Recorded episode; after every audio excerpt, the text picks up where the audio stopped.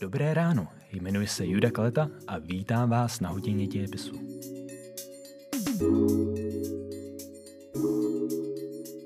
Vítejte u poslechu prvního dílu podcastu Hodina dějepisu. V dnešním díle se podíváme na příčiny první světové války. Zodpovíme si otázky, jak vypadala situace v Evropě ke konci 19. století Zamyslíme se nad tím, co vedlo ke zhoršování vztahů mezi velmocemi a řekneme si, kdo se spojil s kým a proti komu.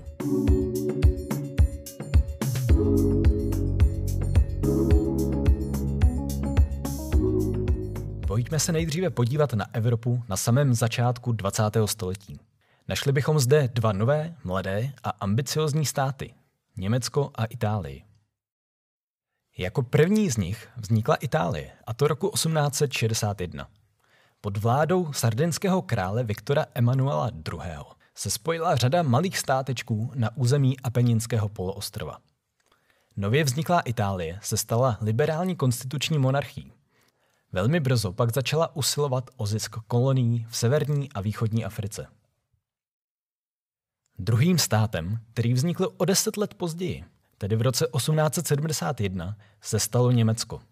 Řada malých knížectví, hrabství a vévodství se spojila pod nadvládou pruského krále Viléma I.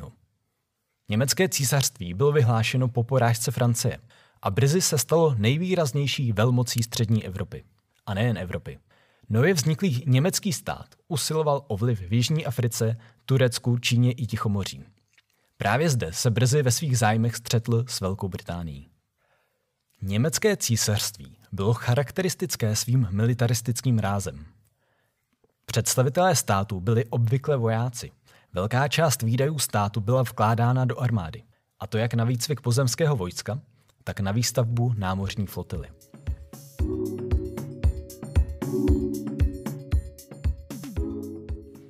Kromě těchto dvou nových velmocí bychom v Evropě našli řadu států s dlouhou historií.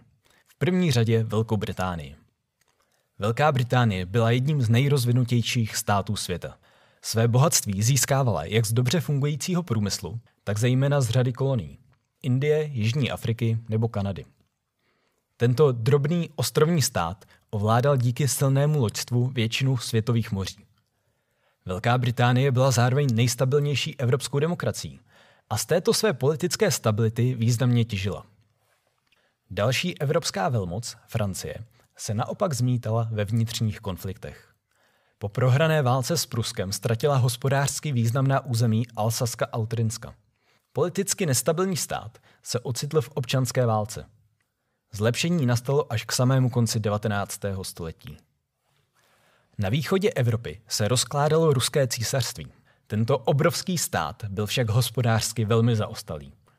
Teprve nedávno došlo ke zrušení nevolnictví a celkově zbytek Evropy Rusové spíše jen dohánili. V zemi byly obrovské společenské rozdíly, málo průmyslu a významnou roli stále hrál venkov. Kromě obsazování rozsáhlých území v Ázii se Rusko soustředovalo hlavně na jihovýchodní Evropu. Na Balkáně podporovalo slovanské státy proti osmanské říši a proti Rakousku-Uhersku. Právě Rakousko-Uhersko se ve snaze ovládnout Balkán s Ruskem často nepřímo střetávalo.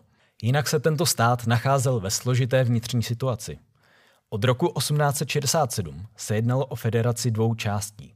Předlitavska, tedy zejména území Rakouska a českých zemí, a Zalitavska, což byly tehdejší Uhry, dnes je to území Maďarska a Slovenska. Přestože se tato velmoc pomalu proměňovala v konstituční monarchii, Přeměna na demokratický stát nebyla dostatečně rychlá. Zvětšovaly se národnostní rozpory, zhoršovala se sociální situace a státní hospodářství bylo téměř před krachem.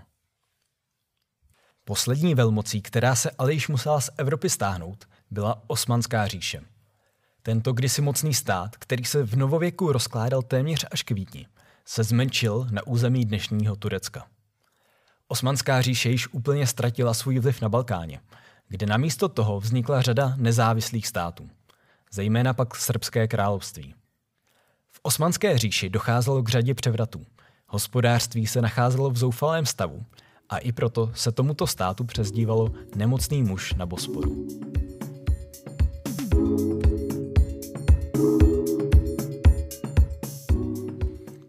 Co vlastně vedlo k první světové válce? První řadě rychlé zhoršování vztahů mezi velmocemi. Francie nemohla odpustit Německu porážku v roce 1870 a usilovala o to získat zpět ztracená území Alsaska Altrinska. Nepřátelství s Německem bylo trochu i věcí francouzské cti. Rakousko nemohlo pro změnu najít společnou řeč s Ruskem, a to ohledně balkánské otázky.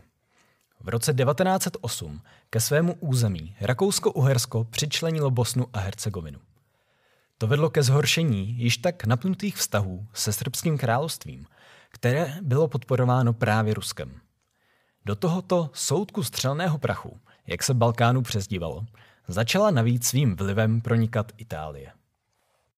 Poslední z nepřátelnou dvojicí byla Velká Británie a Německo. Velká Británie se obecně o dění v Evropě moc nezajímala.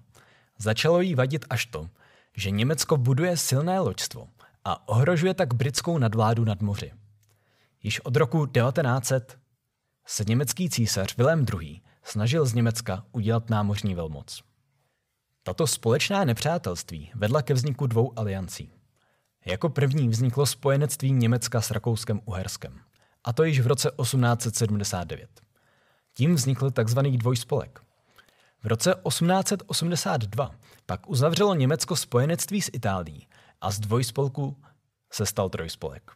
První strana v nadcházející světové válce. Velká Británie na toto posilování vlivu Německa reagovala nejdříve uzavřením spojenectví s Francií. V roce 1904 spolu uzavřeli tzv. srdečnou dohodu. O tři roky později pak uzavřela Británie spojenectví i s Ruskem. Díky tomu, že Francie měla s Ruskem uzavřenou smlouvu již od 90. let 19. století, vznikla těmito dohodami druhá aliance – Trojdohoda. Napětí mezi Trojspolkem, který reprezentovalo především Německo, a Trojdohodou stále rostlo. Můžeme říct, že se už jen čekalo na událost, která povede k vyhlášení války.